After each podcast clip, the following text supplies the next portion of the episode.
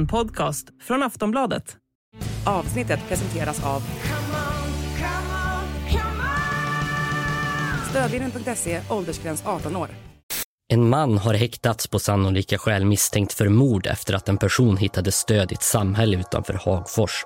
En man och en kvinna, som också har varit anhållna, har släppts på fri fot men är fortfarande misstänkta för mord.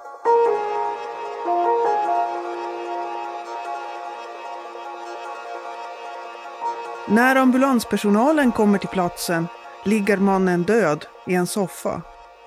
Det är en vanlig vardagsrumssoffa, men den står utomhus, på gården vid ett gult hus. Mannens kompisar säger att han har tagit en överdos. Men ambulanspersonalen märker direkt att det är något som inte stämmer. Mannen verkar ha varit död ett tag. Han är blöt som om någon har tvättat av honom. Och han har stora skador i huvudet. Det här är Döden i paradiset. Ett avsnitt av podden Aftonbladet Krim. Jag heter Katarina Norgran.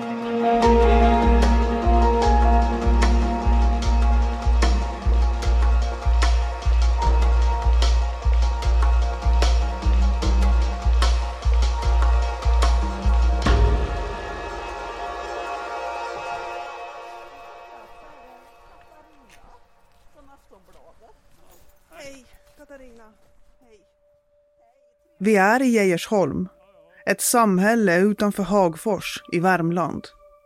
Det är ett villaområde med hemtrevliga hus och välskötta trädgårdar. Här, mitt bland de fina villorna, ligger paradiset. Det är tre stora trähus. De är gula och lite skamfilade. En gång i tiden var det här ett ålderdomshem som hette Paradiset. Namnet lever kvar. Men på senare år har Paradiset blivit känt för helt andra saker. Vi är här för att träffa Mats, som bor i en av villorna precis bredvid Paradiset. Jag har bott i Ersholm då sedan 83. Fem år norr om där jag bor nu. Och så 88 flyttade vi hit. Då. Familjen blev större och så vi behövde lite mer space om man säger så. Runt 200 personer bor i Geijersholm. Mats beskriver det som ett lugnt område. Som en plats där alla känner alla. Så att det, det, det är ett bra område att bo i. Och är man då naturintresserad så är det då jättebra för du kan gå överallt. Det finns stigar, du kan gå norrut, du kan gå, eller norrut, söderut, öst, väst. Och har man då en sån här så kan man då liksom, vet man vart man ska gå. Hon, ja, hon bestämmer. Hon som bestämmer, det är familjens lilla hund. Varje dag går Mats minst två längre rundor med henne. Den 4 april i år satt Mats som vanligt på övervåningen och tittade på sport på tv. Jag och frugan har ju tyvärr inte samma tv-intressen och vill för massa serier. Och jag ville se på mitt och det är ju idrott då. Så vi har, jag har min man cave upp. och hon har sitt här då. Så hon, nej, hon har ju all det här Netflix, Viaplay, TV4, Play, SVT1 och så här. Då kan hon gå in och se på sina serier om och Hunden ville ut. Mats stängde av tvn och så tog de sin vanliga runda. När de kom tillbaks från promenaden, då såg Mats en av de boende i paradiset som kom gående över den gemensamma gårdsplanen. Och så kommer den här miss, huvudmisstänkte kan man väl kalla han. Ja, han gjorde vrål då. Man, man ser ju inte för det går ju ner mot Värmplan så, här. så dyker han upp då med yx i näven och vrålar och svingar och så här. Mats ser alltså hur en av hans grannar kommer skrikande och viftande med en yxa. Den vrålande mannen går med yxan till ett hus där en man i 50-årsåldern bor. En annan granne blir också vittne till det här. Det var, det var ju i princip så liksom undrar liksom vad var det för något? Och grannen då, vad, vad händer? Och sen jag tror inte han heller reagerar mycket på det där. Men trots dramatiken blir Mats inte speciellt orolig. Han är van vid att det är stökigt i grannskapet. Nej, jag tänkte som jag sa förut, liksom nu har du fått en fyllig grej på gång. Nu ska du ta ner körsbärsträd. För det, det, det, kan ju också bli när ni sitter och diskuterar och så blir det, ja mina körsbärsträd ser för jävligt ut. Ja, ja men vi, vi, vi hugger ner dem. liksom, det, det slog mig inte förrän dagen därpå. När eh, ambulans var här och tänkte jag, nu har det hänt någonting. Nu har det väl varit något fylligt slagsmål eller något. Och sen då på, ja jämt efter 12 1, ja mellan 12 och 1 kommer ut och det är tjockt med poliser alltså.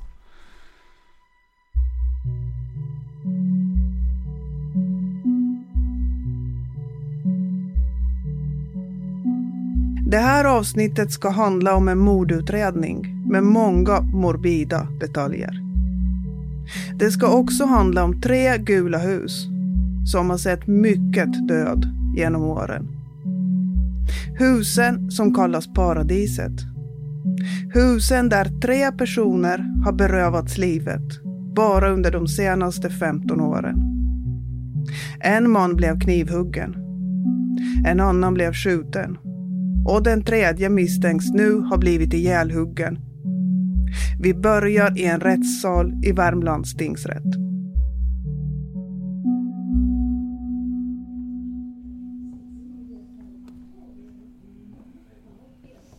Klockan är strax innan nio och dagens förhandling ska börja. Utanför sal 1 sitter vi och väntar. Några anhöriga och några journalister. Vid nio-tiden plingar det till i högtalarna. Tingsrätten håller huvudförhandling i mål mellan åklagare. Inne i salen väntar de tre misstänkta. Det är två personer i övre medelåldern. En man och en kvinna. Och en man som är lite över 30. Mannen i 30-årsåldern är den huvudmisstänkta. Vi kallar honom Axel. De båda åtalade männen är klädda i häktets gröna kläder. Kvinnan har en grå stickad kofta och ett par läsglasögon som hon har skjutit upp i pannan. Hon har tagit med sig en pocketbok till rättegången. Kriminalromanen En bror att dö för ligger på bordet framför henne. Mitt emot de åtalade sitter åklagarna Sara Nerman och Per Svensson som har lett den här utredningen. Efter några minuter inleder domaren. Då ska tingsrätten hålla huvudförhandling i det här målet. Medan domaren pratar sitter Axel och stirrar rakt fram med orörligt ansikte. Han kommer att sitta så hela dagen. Den äldre mannen tittar ner i bordet. Han verkar tagen av stundens allvar. Kvinnan sitter med ryggen mot åhörarplatserna så hennes ansiktsuttryck kan vi inte se. Efter en stunds genomgång av ordningsregler får åklagaren ordet. Ja, är det någonting mer inledningsvis att ta upp i förhandlingen? Nej.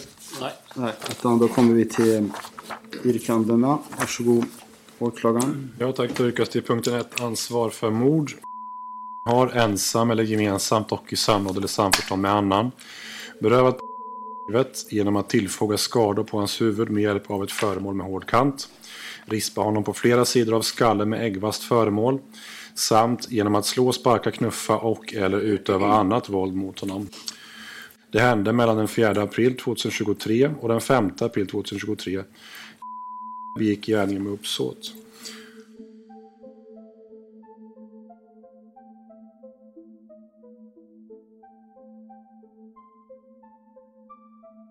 Den här historien kretsar framförallt kring två personer. Offret och den misstänkte mördaren. Vi kallar dem Stefan och Axel. Stefan är i 50-årsåldern och Axel är i 30-årsåldern. Vi börjar med Stefan, mordoffret. Han har bott i Geijersholm i en villa i många år. Det här är Pia Holmström. Hon är lokalredaktör på Nya Värmlandstidningen och bevakar Hagfors med omnejd. Hon har följt händelserna som det här avsnittet handlar om. När hon pratat med människor som kände Stefan, då har de beskrivit honom som en snäll och omtänksam man. Han har även varit eh, aktiv inom innebandy och varit, och varit en duktig domare och även spelare. Och varit väldigt uppskattad inom den sporten. Men under våren 2023 får Stefan ett nytt umgänge. Hans nya vänner har då nyligen flyttat in i paradiset. Och det visade sig att det var personer eh, som hade flyttat till fastigheten Paradiset, inte långt från hans villa. Ett medelålders par eh, och en man i 30-årsåldern. Mannen i 30-årsåldern, det är han som vi kallar för Axel. Under våren verkar Stefan, Axel och det medelålders paret umgås. Men allt är inte frid och fröjd. Den 27 mars, då hände något som kan ses som en varning om vad som komma skall. Då skriver Axel, den misstänkta mördaren, ett meddelande till en kompis. Åklagare Sara Nerman berättar. Eh, där skriver är med en yxa hos en granne igen, blåste min vän på pengar. Det skriver han, alltså det är en dryg vecka före händelsen det här. Det går några sms fram och tillbaks mellan Axel och hans vän innan Axel skriver igen. Han hade de inte kollat hans bankvalv och hans mobilbank så han blir skyldig pengar nu istället. Enligt åklagaren finns det två anledningar till att de här smsen är intressanta. Han drar sig uppenbarligen inte för att söka upp en granne med yxa. Eh, en person som har enligt honom behandlat någon annan illa då. Den andra anledningen, den handlar om vilken granne det här gäller. Den granne de här som han är hemma hos avser just målsägaren. Ja, Axel tycks alltså här vara hemma hos Stefan, som bor en bit bort. Men just den här kvällen verkar det inte hända något mer. Morgonen efter lägger Axel ut några bilder på Snapchat. Så lägger han ut på, på Snapchat eh, bilder då, bland annat där han står och håller i en yxa. På bilden tittar Axel in i kameran och ler. Han håller en yxa i ena handen och lyfter upp den mot kameran. En dryg vecka senare kommer Axel att synas med yxan igen. Åklagare Per Svensson berättar vad ett vittne såg på eftermiddagen den 4 april. Som är det här vittnet som ser i upprört tillstånd gå med en yxa till målsägandens bostad och sen då i sällskap med målsäganden gå till bostad och att det är vid klockslaget omkring då 16.30 17.00. Det är kanske lite svårt att hänga med här. Men det som vittnet berättar är att han har sett Axel gå runt med en yxa. Axel har gått hem till Stefan och sen har Axel och Stefan gemensamt gått hem till det medelålders parets lägenhet i paradiset. Där har de gått in. På eftermiddagen, strax innan fem, då befinner sig alltså Stefan, Axel och det medelålders paret i samma lägenhet. Exakt vad som händer sen, det vet vi inte. Men vi vet att några timmar senare kommer en av de fyra att dö.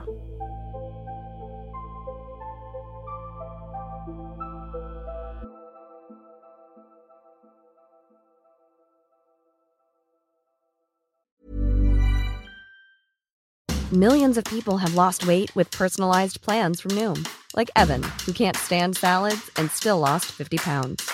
Salads, generally, for most people, are the easy button, right? For me, that wasn't an option. I never really was a salad guy. That's just not who I am. But Noom worked for me. Get your personalized plan today at Noom.com. Real Noom user compensated to provide their story. In four weeks, the typical Noom user can expect to lose one to two pounds per week. Individual results may vary.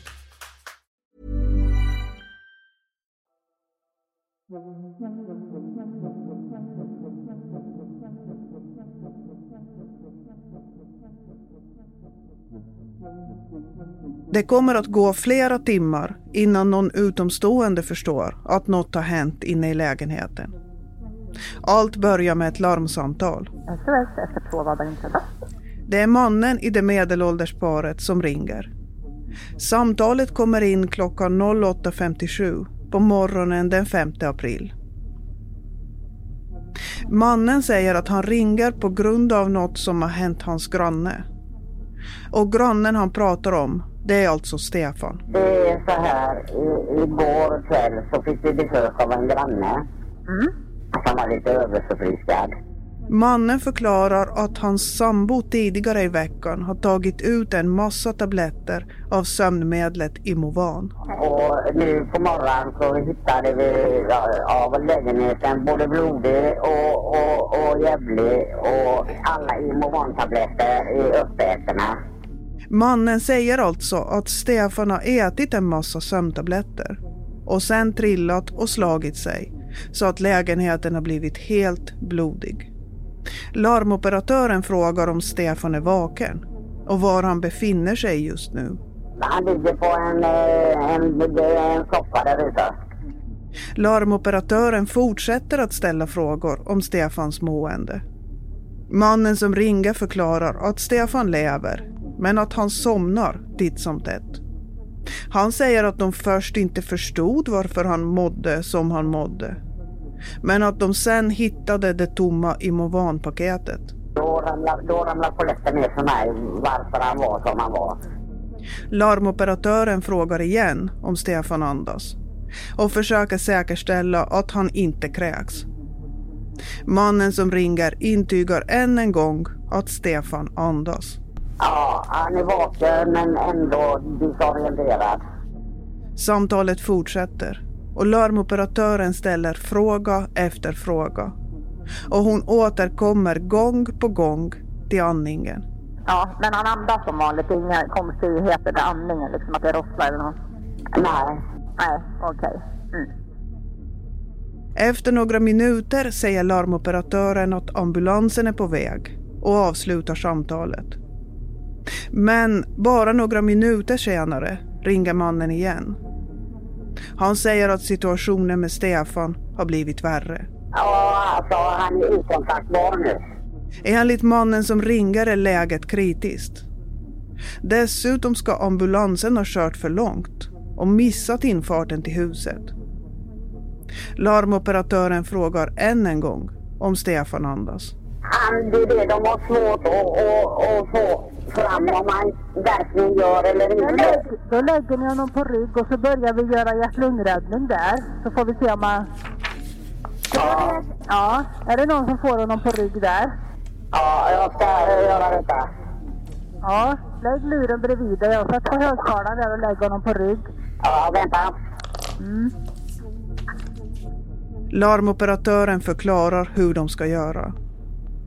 Några minuter senare kommer ambulansen till paradiset. De har alltså åkt på ett larm som handlar om en man som överdoserat sömntabletter. Men när de kommer fram möts de av en märklig syn. så såg de mannen i 50-årsåldern alldeles nedblodad i en vardagsrumssoffa på utsidan. Stefan är omgiven av en grupp människor och någon gör hjärt och lungräddning. Ambulanspersonalen tar över och lyfter honom från soffan till en bår. De reagerar direkt på hur Stefan ser ut. Han har en del anmärkningsvärda skador och han är blöt. Han har bland annat större, det jag kallar snittliknande skada vid ena tinningen. Och han har även en, en större skada i bakhuvudet och jag har vissa andra blåmärken. Det här är någonting som man noterar och tycker är anmärkningsvärt och det för tankarna till att de här skadorna har åsamkats av någon annan än han själv. Och det är inte det enda som är märkligt. Därtill så konstaterar eh, vissa ambulanspersonalen på plats att han är, han är blöt på kläderna. Eh, vilket också man bedömer vara en helt enkelt eh, märklig omständighet. Att han eventuellt kan ha blivit avspolad. De gör snabbt bedömningen att något inte hänger ihop. Trots att han har en stor skada vid tinningen så blöder Stefan nästan ingenting. Det är knappt något blod på soffan. Ytterligare en märklig omständighet är att Stefan har en väldigt låg kroppstemperatur. Den sammantagna bilden, den stämmer inte med det som larmcentralen fått höra. De kunde konstatera att han inte avlidit eh, nyligen. När ambulanspersonalen går in i lägenheten då gör de ytterligare fynd som stärker bilden av att något inte stämmer. Förutom de anmärkningsvärda noteringarna man gör så därtill så noteras det vissa tecken på strid eller tumult inne i bostaden. Det handlar alltså om det medelålders parets lägenhet. Där är det också kan man konstatera då omfattande blodförekomst. Och det är i samtliga rum. Ambulanspersonalen inser att det här eventuellt inte bara rör sig om ett sjukdomsfall, utan om ett brott. Och polis kallades till platsen. Och de tre häktades. De tre är alltså Axel och det medelålders paret. I princip samtidigt som de grips inleds en förundersökning om mord. Under utredningens gång görs flera fynd som stärker bilden av att Stefan inte har dött av en överdos.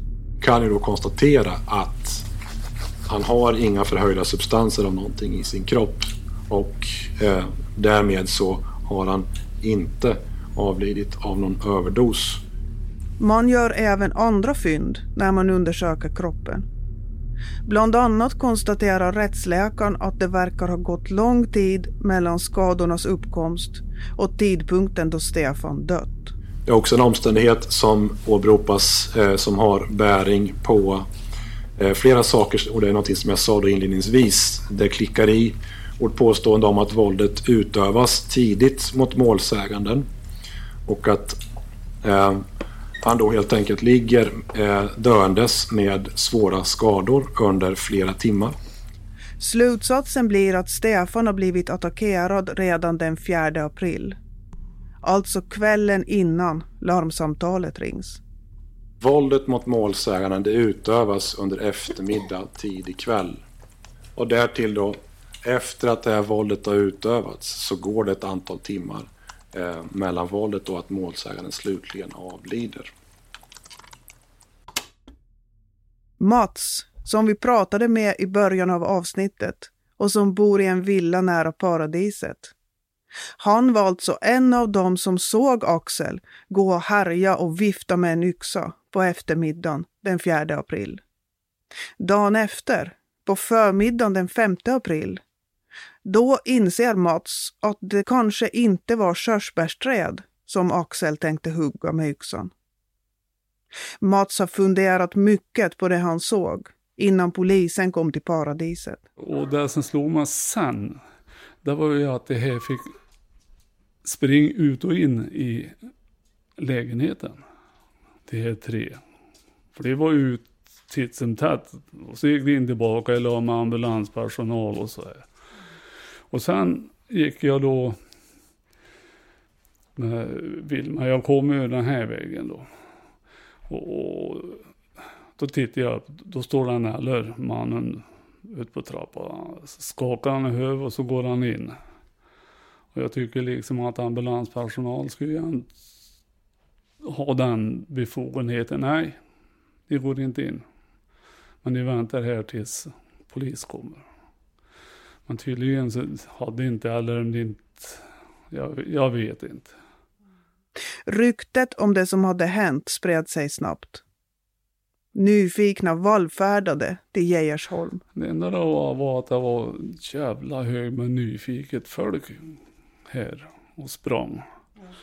Ja, sådana som inte man aldrig sett till. Det, det var en hel bilkaravan efter stora vägen parkerad. Folk stod och tittade, det kom och gick och, och så här. Mats kände mordoffret, Stefan, väl. Stefan hade bott i området länge. Han bodde ju här, såg ju ofta då, men det var ju... Och han eh, hade väldigt bra innebandydomar, alltså det, det anlitade han då till, till domar och så här. De misstänkta var relativt nyinflyttade, så de kände han inte. Den huvudmisstänkte har han bara träffat en gång. Mats har aldrig träffat mannen i det medelålders paret. Men det är nog, har, har jag hört den. För att den 28 mars eh, slängde han ju ut alla möbler. Ja, soffor och cyklar och allt. Klockan halv åtta eller något. Det var ett jävla liv där uppe. Alltså vrål och skrik och skrän och Sen på onsdagen när jag går förbi med han, samma tur då, så ser jag att det låg en massa grejer ut på bakom där och i, i fönster ut var sönderslöjade. Jag tror inte lag det än. Mats såg alltså när mannen kastade ut sina möbler från lägenheten. Hans vardagsrumssoffa blev sen stående ute på gården. Det var i den soffan Stefan skulle hittas död några dagar senare.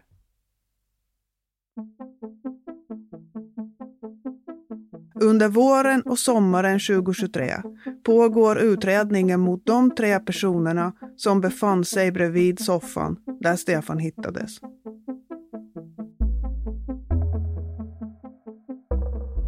Snart ändras misstankarna mot det medelålders paret. I början är de misstänkta för mord, men det ändras till grovt skyddande av brottsling. Enligt åklagaren har de försökt att sopa igen spåren efter Axel.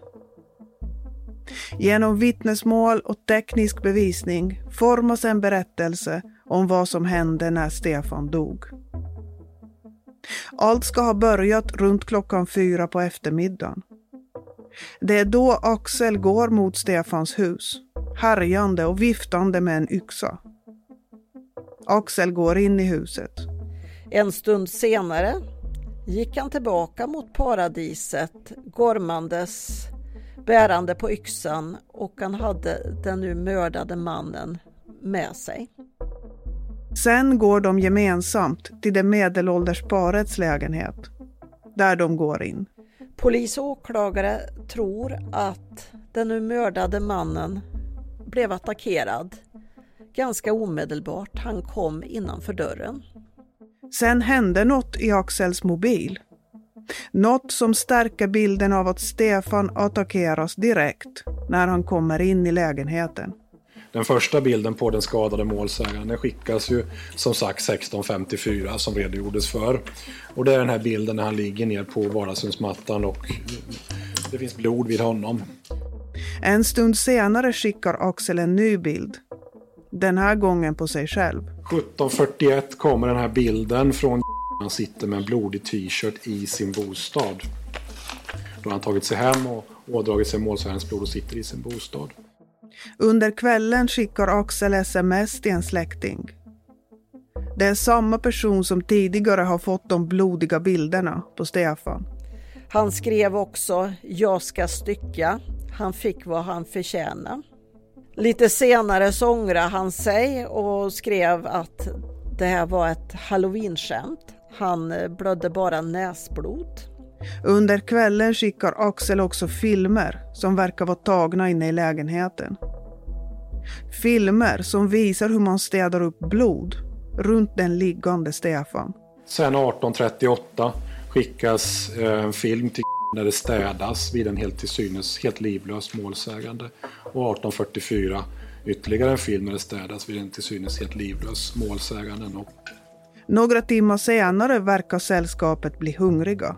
Mannen i 30-årsåldern ringer till en pizzeria i Hagfors och beställer en familjepizza. När han beställer så ber han om hemkörning. Han försöker även beställa två backar öl Men pizzeriaägaren säger att det är omöjligt. Han kör ut pizzan och levererar den vid dörren. Klockan är då runt nio på kvällen. Så de äter pizzan under tiden som eh, den nu mördade mannen håller på att förblöda. Under de här timmarna tros alltså Stefan fortfarande vara vid liv. På filmerna och bilderna har polisen kunnat se att han då ännu inte har fått de allvarligaste skadorna. Men han tros alltså ha blivit grovt misshandlad och legat medvetande sänkt i flera timmar. Allt detta samtidigt som hans vänner har städat och ätit pizza. Målsäganden avlider först ett antal timmar senare. Och eh, under den tiden, i samband med det, så, så lyfts målsägandens kropp ut på den här soffan när han är avliden eller i vart fall svårt skadad. Det är också ett led i skyddandet. Och sen eh, flyttas också en matta ut med målsägandens blod på. Det är också ett led i, i skyddandet. Och därtill då, som vi gör gällande, så uppges det felaktiga uppgifter till olika personer om vad som har hänt. Det är också då skyddande åtgärder. Åklagarens teori är att Stefan inte dör förrän på morgonen den 5 april. Efter timmar av lidande. När mannen i det medelålders paret ringer larmcentralen och pratar om Imovan, då ska Stefan alltså redan vara död. Stefan ska också redan vara död när den äldre mannen pratar om att han andas och när de sen börjar göra hjärt och lungräddning. När ambulansen kommer fram, då ska Stefans kroppstemperatur vara 30,6 grader. Av de tre misstänkta är det bara Axel som misstänks för själva mordet. Det medelålders paret misstänks för att ha försökt vilseleda utredningen och försöka skydda Axel. Dels genom att bära ut kroppen och försöka städa lägenheten, men också genom att lämna felaktiga uppgifter om vad som har hänt. Och att de här uppgifterna har varit ett försök att sprida en, en felaktig bild av vad som har hänt. Och tanken har varit, gör vi gällande, att man har velat sprida den här felaktiga bilden, inte till vem som helst, utan till personer som kan vara av intresse för utredningen, förhörspersoner. Däribland då i det här 112-samtalet felaktiga uppgifter om vad som har hänt. Men därtill då, som framgår av gärningspåståendet, till ambulanspersonal på plats och även till då, eh, arbetsgivare. Det här är kärnan i åtalet. Polisen har inte hittat något mordvapen. Alla de misstänkta nekar till brott. Axels advokat menar att hans klient är oskyldig och att Axel i själva verket bara har försökt hjälpa Stefan, som var full. Axel säger att han visserligen var i det medelålders parets lägenhet, men att han sen gick hem till sin egen lägenhet och somnade. Och när han gick hem, då ska Stefan fortfarande ha varit vid liv. Axels advokat menar att man inte kan dra de slutsatser som åklagarna gjort gällande vad som hänt i lägenheten. Sammanfattningsvis här, det är otäcka bilder, det är mycket blod men det gäller att vara, vara, nu tänka kallt och hålla koll på bollen här. Det som det här målet nu kommer handla om i tre dagar det är frågan vad är egentligen dödsorsaken? Vem i sådana fall, om det finns en dödsorsak som inkluderar brott, har begått detta brott? Och i sådana fall med vilket uppsåt? Och det var väl vad jag tänkte säga sakframställningsvis. Tack ordförande. Tired of ads barging into your favorite news podcasts? Good news. Ad-free listening is available on Amazon Music for all the music plus top podcasts included with your Prime membership. Stay up to date on everything newsworthy by downloading the Amazon Music app for free or go to amazon.com slash news ad free. That's amazon.com slash news ad free to catch up on the latest episodes without the ads. Hur det kommer att gå i det här målet, det vet vi inte när vi spelar in det här. De åtalade ska därför betraktas som oskyldiga. Rättegången är avslutad och domen har ännu inte fallit. Åklagaren yrkar på 16 års fängelse för Axel och tre och ett halvt års fängelse för det medelålders paret. Advokaterna menar att deras klienter ska gå fria. Vi lämnar därmed det misstänkta mordet på Stefan. Men vi stannar kvar i Geijersholm. Vi stannar till och med kvar vid samma byggnader.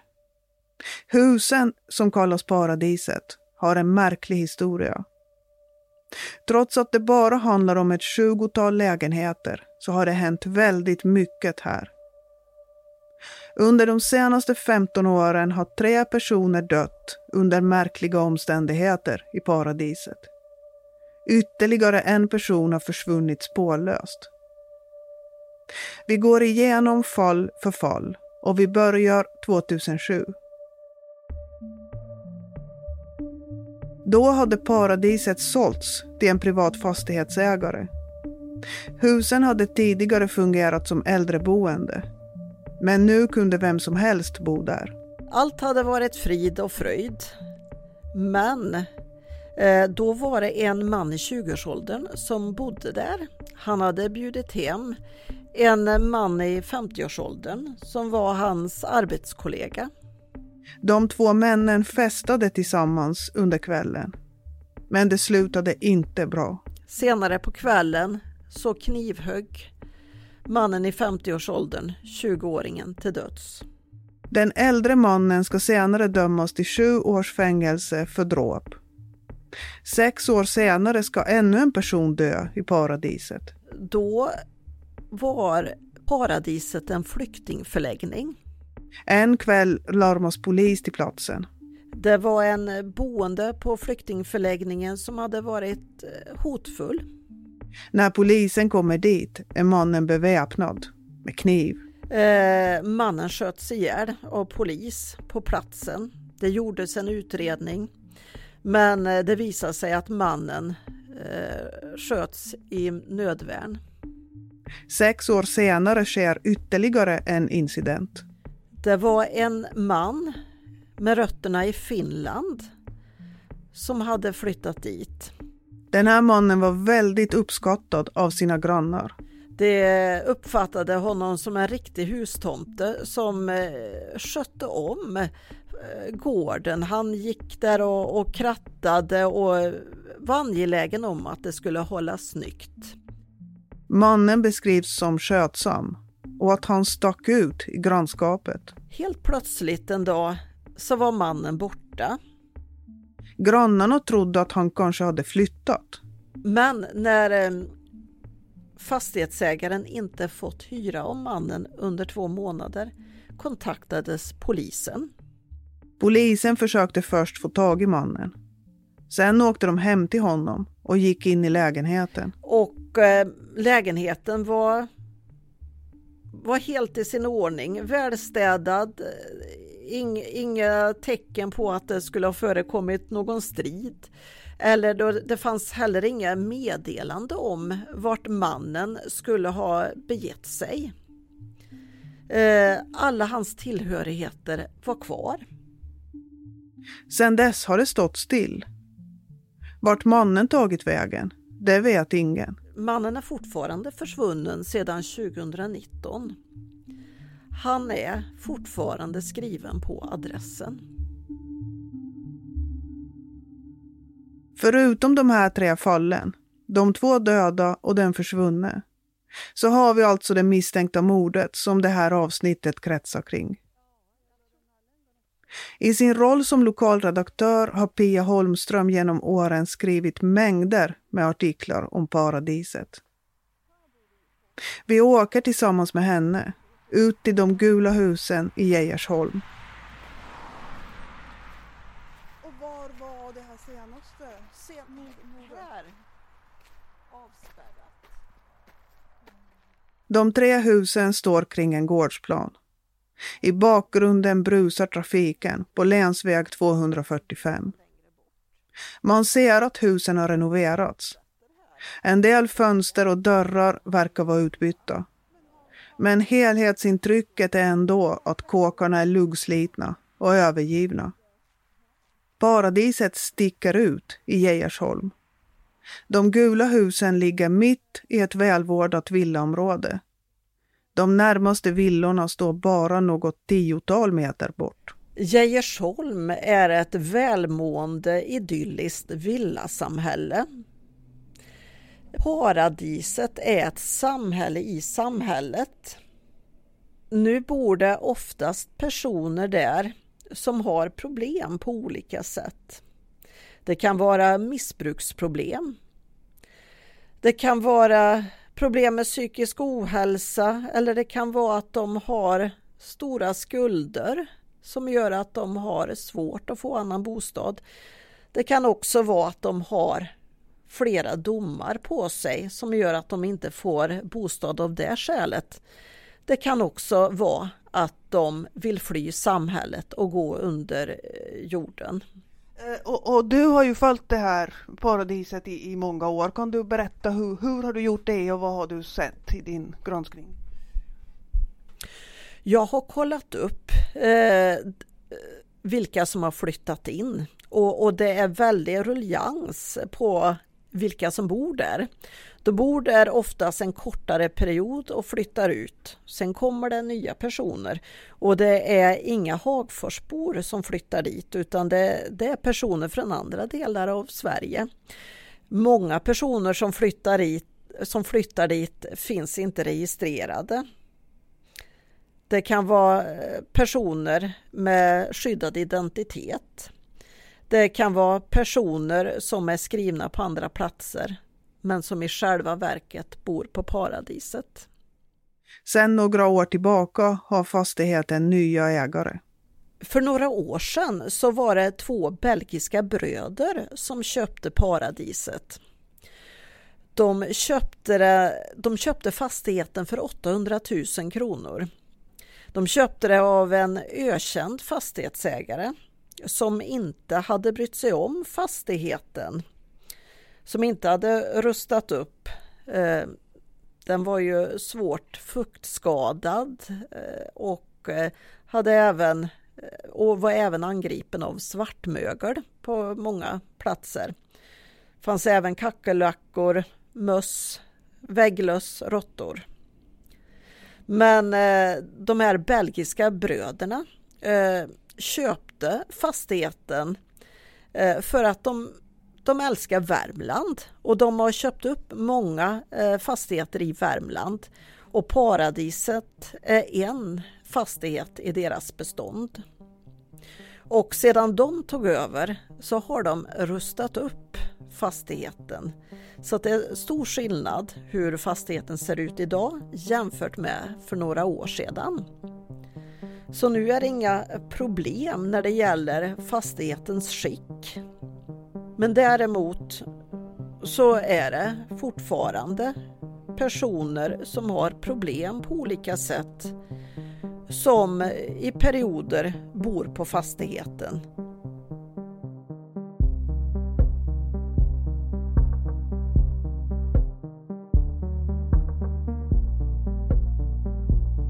Det har gått ett halvår sedan det misstänkta mordet på Stefan.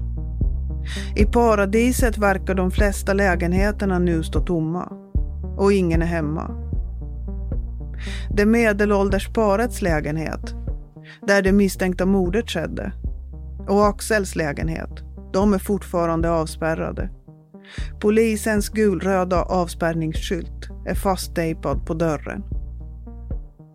Grannen Mats, han säger att det nu har varit lugnt i området tvärlugnt. Totalt tvärlugnt.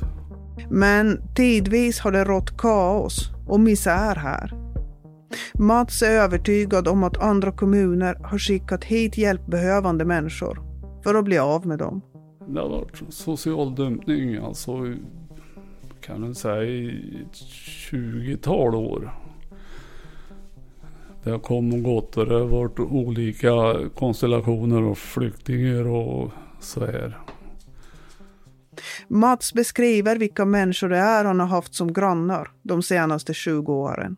Alltså sådana då som inte, ja men missbruksproblem och sådana här, kanske gjort lite mindre brött eller något som har gått på villkorligt om man säger. Som har bott här. Tillfälliga hyresgäster har dykt upp och försvunnit från paradiset. Massor med folk har passerat. Men trots allt som hänt säger Mats att han ändå aldrig har känt sig rädd. Jag har känt mig trygg. Och det tror jag de flesta har gjort också. Jag kan röra mig. Jag, kan, jag har inget problem alls Jag att gått ut här och, och gått i mörker eller något så här med han. Så att det är tryggt så. Så jag behöver inte vara rädd för att jag blir rånad eller nedslagad eller misshandlad när jag går ute. Det liksom finns inte. Nu hoppas Mats att det ska bli ett slut på eländet i paradiset.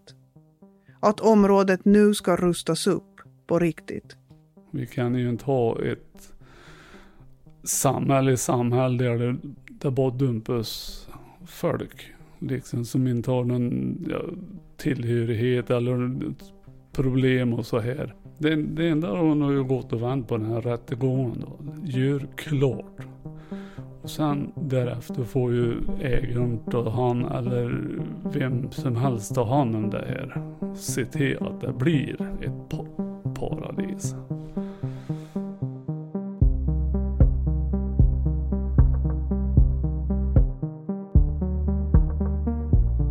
Du har lyssnat på ett avsnitt av podden Aftonbladet Krim. Klippet i början av programmet kommer från Sveriges Radio P4 Värmland. Producent för podden är Marcus Ulfsand. Jag heter Katarina Norgran.